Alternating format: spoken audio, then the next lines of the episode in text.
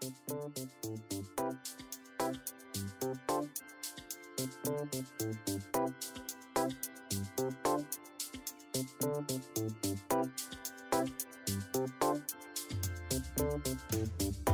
pembuluh darah di otak itu sama halnya tadi dengan pembuluh darah yang menyusuri lemak. Jadi dia itu berbentuk kapiler-kapiler yang kecil dan semakin tinggi tekanan di kapiler ini, semakin pembuluh darah yang kecil ini mudah pecah.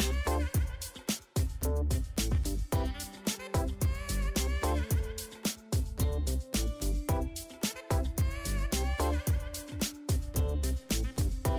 pendengar, ketemu lagi dengan saya Hardi Wijaya di podcast Dokter Pribadi. Di sesi kali ini saya kembali ditemani oleh Dokter Hari Pribadi. Halo, Dok, gimana kabarnya nih? Luar biasa. Hari ini Dok, kita mau bahas apa nih? Hari ini kita bahas tentang penyakit yang paling sering orang datang ke puskesmas sama ke dokter-dokter umum di klinik. Darah tinggi. Nah, Darah tinggi. Iya, ini penyakit yang kayaknya orang banyak banyak itu ya, banyak jadikan itu tadi banyak diderita semua orang lah. Pusing dikit dok, kayaknya saya hipertensi nih darah tinggi, gitu kali dok ya. Betul. Nah, sebenarnya darah tinggi atau hipertensi sendiri itu sebenarnya apa sih dok? Definisinya saya sebenarnya yang dikatakan sebagai darah tinggi ini itu tubuh kita mengalami apa sebenarnya? Jadi Tuhan itu menciptakan tubuh kita tuh unik ya. Jadi kalau diibaratkan uh, jantung itu adalah suatu pompa.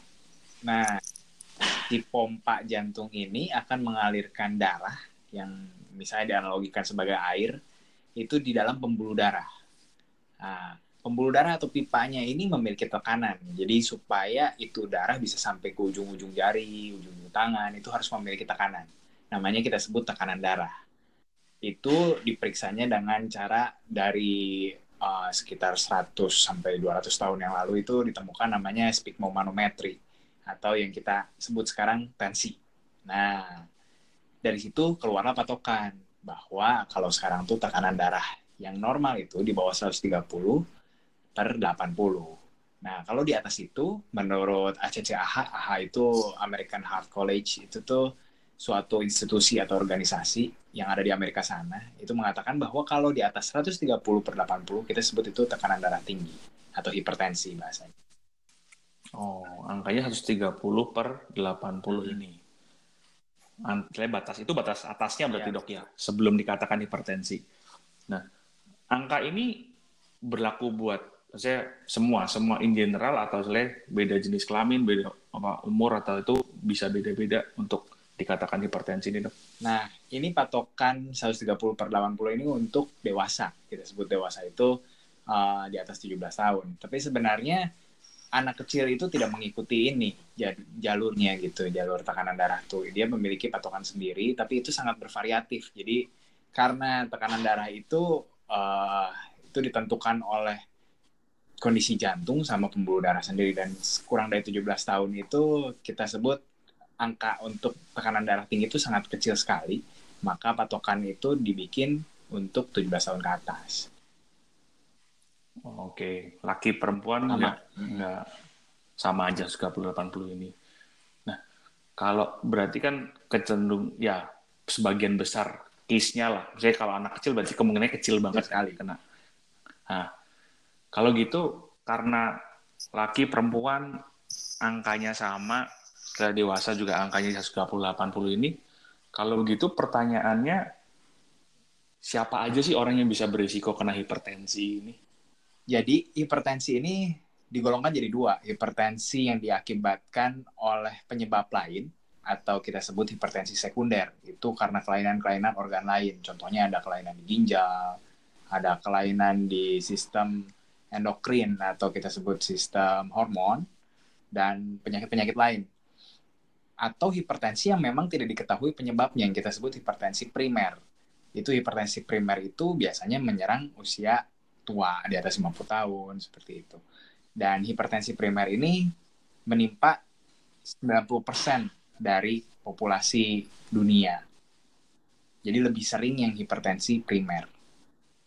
Oh, berarti sebenarnya yang kayak tadi dokter cerita bahwa kebanyakan orang yang ke puskesmas, ke dokter ngeluh darah tinggi lah sebagainya itu rata-rata karena memang orang-orang yang sudah usia lanjut ya, dok, ya? hipertensi primer itu tadi. Hmm, Kalau hipertensi iya, iya sekunder iya. itu contohnya misalnya orang yang dia memiliki kelainan di pembuluh darah ginjal yang kita sebut stenosis arteri renalis. Itu si pembuluh darah ginjalnya tiba-tiba secara uh, dilahirkan sudah agak sempit. Nah, itu dia tiba-tiba tensi tinggi pada usia sangat muda sekali. Umur 15, umur 18 itu sudah tinggi, tensinya 180, 190. Atau hipertensi, hipertensi yang diakibatkan oleh misalnya kehamilan, itu uh, jenis hipertensi yang sekunder juga. Atau hipertensi yang terjadi pada orang dengan kelainan hormon tiroid. Itu kita sebut hipertensi sekunder juga. Nah, kalau yang sering berobat ke dokter umum, puskesmas, yang sering kita temuin, itu adalah hipertensi yang primer. Oh gitu. Nah, sebenarnya karena tadi resikonya kan ada ada orang-orang yang memang ya karena karena usia, karena faktor natural, ada juga yang karena yang sekunder itu karena faktor yang cenderung uh, bisa dikatakan kalau yang sekunder ini faktor resikonya ada karena pengaruh faktor-faktor eksternal. Pengaruh penyakit lain. Oh, pengaruh penyakit ya. lain. Oh, okay, jadi penyakit okay, okay, okay. Uh, yang mendasarinya itu adalah penyakit yang lain sehingga terjadi hipertensi. Oh, gitu. Nah, kalau ngomong gitu sebenarnya apa dong yang istilahnya menyebabkan menyebabkan faktor-faktor yang menyebabkan entah uh, selain karena natural secara usia tadi ya, tapi istilahnya faktor-faktor yang menyebabkan orang itu akhirnya bisa menjurus satu ketika dia bisa kena hipertensi. Hmm. Faktor resiko yang paling dominan itu sebenarnya adalah riwayat tekanan darah tinggi di keluarga biasanya. Kalau misalnya orang tuanya, ayah ibunya itu ada resiko darah tinggi, usia-usia tertentu, dia pun ketika mencapai usia seperti itu biasanya darah tinggi. Kemudian uh, semakin kita tua itu kenapa kita semakin rentan untuk karena darah tinggi karena pembuluh darah kita tuh akan tidak lentur lagi kehilangan elastisitasnya. Jadi harusnya ketika tekanan darah itu semakin tinggi, pembuluh darah kita ada uh, sisi elastisitasnya yang dia itu akan meredam tekanan darahnya. Tapi ketika kita sudah usia tua, istilahnya pembuluh darahnya nanti keras-keras tuh, seperti kawat istilahnya kalau bahasa awamnya. Maka tekanan darahnya akan relatif tinggi. Kemudian uh, ada namanya juga us, uh, jenis kelamin.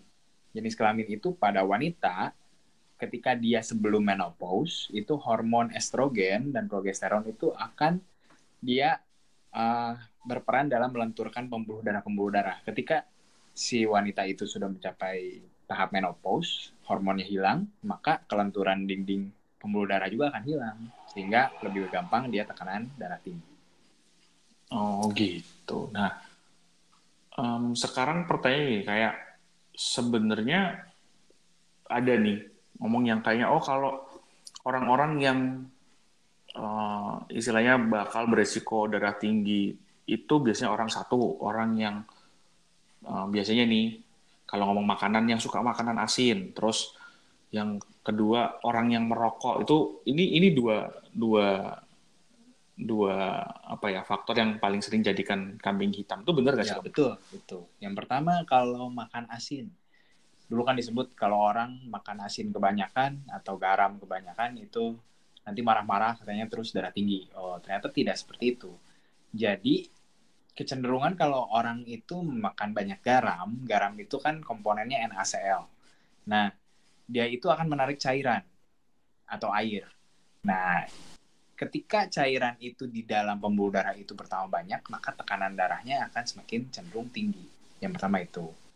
Kedua, orang yang merokok. Ketika kita merokok, itu akan keluar radikal bebas dan pengaktifan beberapa hormon yang menyebabkan si pembuluh darah kita itu akan mengalami kita sebut vasokonstriksi atau pembuluh darahnya jadi mengecil atau mengkerut lah. Nah, ini pun akan mengakibatkan tekanan darah kita meninggi. Faktor yang lain adalah kecenderungan untuk uh, obes atau berat badan berlebih. Karena sel-sel lemak itu, itu kan juga dia harus membutuhkan nutrisi. Nah, nutrisi itu didapatkan dari uh, pembuluh darah yang harus dia itu mencapai lemak-lemak yang ada di tubuh-tubuh kita. Contohnya di perut. Nah, semakin lemak di dalam perut itu semakin tebal, si pembuluh darah itu akan semakin menelusurinya membentuk pembuluh darah-pembuluh darah kapiler atau pembuluh darah yang sampai kecilnya itu seperti ujung rambut. Nah, pembuluh, pembuluh darah kapiler ini tekanan darah tekanan di dalam pembuluh darah kapiler ini cenderung tinggi sehingga dia itu akan mengakibatkan tekanan darah tinggi juga. Karena kan kalau dari jantung yang pembuluh darahnya besar sampai ke ujung yang pembuluh darah kecil itu semakin dia pembuluh darah semakin panjang, maka tekanan yang dihasilkan harus semakin besar supaya sampai itu sampai ke ujung. Hmm, ya. Misalnya karena jalannya makin jauh, makin sempit, pompanya harus makin nah, kuat ya. Dan itu akan mem semakin memperberat pompanya, kerja dari pompanya sendiri. Jadi semakin lama tekanan darahnya semakin tinggi, jantungnya akan semakin capai. Dia punya otot jantung harus semakin tebal dan akhirnya kalau suatu saat nanti tidak kuat, jantungnya akan jadi payah jantung. Ah, iya iya iya. Ya. Nah, kalau itu kan ngomong-ngomong apa namanya hmm, hipertensi ini kan juga uh, kalau orang kena hipertensi kan resikonya juga bisa bisa pasti bisa ke uh, merembet ke mana-mana dok. Nah kalau yang biasanya kita dengerin kan tadi dokter bahas soal biasanya orang yang hipertensi biasanya cenderung nanti resikonya adalah ke arah jantung. Sebenarnya kalau darah tinggi ini nggak ke kontrol untuk ngomong ya nggak ke kontrol lah untuk sekian lama, selain jantung tuh ada nggak organ-organ lain yang istilahnya beresiko karena tekanan darah yang tinggi itu? Yang paling beresiko kedua setelah jantung itu sebenarnya otak. Jadi pembuluh darah kita itu uh, dia itu semakin ke arah internal dari otak atau dalam otak, dia itu pembuluh darahnya semakin kecil. Jadi pembuluh darah di otak itu sama halnya tadi dengan pembuluh darah yang menyusuri lemak. Jadi dia itu berbentuk kapiler-kapiler yang kecil dan semakin tinggi tekanan di kapiler ini, semakin pembuluh darah yang kecil ini mudah pecah. Nah, semakin tinggi tekanan darah, resiko untuk pecahnya semakin besar. Dan ketika pembuluh darah di dalam otak itu pecah, itu yang namanya kita sebut stroke atau stroke yang khusus jenisnya itu stroke perdarahan. Organ yang ketiga yang bisa mengalami kerusakan adalah ginjal. Jadi ibaratnya kalau ginjal itu adalah suatu filter, bisa dibayangkan suatu filter akuarium lah. Nah, filter ini dia bisa kerja kalau si dinding dari pipa atau pembuluh darah ini tipis. Nah, semakin dia tekanan darahnya itu tinggi, fungsi filternya ini akan semakin terganggu karena dinding pembuluh darahnya akan semakin tebal. Akibatnya lama-kelamaan fungsi filtrasi dari ginjal untuk mengeluarkan racun itu akan hilang. Akibatnya racun akan bertumpuk di dalam darah dan lama-lama pasiennya masuk ke tahap gagal ginjal. Begitu. Oh, berarti karena karena berarti gini dok ya, karena tekanan karena pembuluh darah itu juga berfungsi untuk menjaga tekanan darah, karena tekanannya tinggi dia harus lebih tebal supaya lebih kuat menahan itu sebenarnya. Iya, betul. Tapi efek sampingnya jadi fungsi filtrasi di ginjalnya akan terganggu. Terus ada yang bilang juga kalau hipertensi itu bisa nyerang satu ketika mata juga bisa kena. Dok. Nah, iya. Sama pembuluh darah di mata itu juga dia cenderung tipis karena dia kan sel di mata itu ada namanya sel retina. Sel retina ini dia itu pembuluh darah pembuluh darahnya sama setipis rambut seperti itu. Semakin tinggi tekanan darah kita, semakin gampang pembuluh darah di mata ini pecah. Nah, mata sendiri dia itu adalah suatu organ yang dalamnya itu ada cairan yang seperti gel atau kita sebut itu bahasa kedokterannya vitreous humor. Nah, ketika pembuluh darah itu pecah, selain dia akan uh, merusak di bagian retina, darah yang keluar dari pembuluh darah yang pecah ini dia akan mengganggu komponen dari gel tadi. Sehingga yang harusnya gelnya itu bening atau clear, dia itu nanti akan terganggu oleh adanya darah yang keluar. Akibatnya jadi pandangan seseorang itu akan cenderung kabur. Seperti itu gejalanya. Oh, bahaya juga ya pasti memang ya. Di sesi kali ini kita sudah mendapatkan banyak sekali informasi dari Dokter Hari mengenai apa itu hipertensi, faktor-faktor resikonya, dan bagaimana efek hipertensi itu pada tubuh kita, terutama pada organ-organ penting seperti jantung, ginjal, dan otak. Pertanyaan lanjutannya adalah, bagaimana sih kita menangani hipertensi ini, dan bagaimana pula pola hidup yang baik sehingga kita bisa terhindar dari hipertensi. Untuk tahu lebih lengkapnya, kunjungi sesi berikutnya.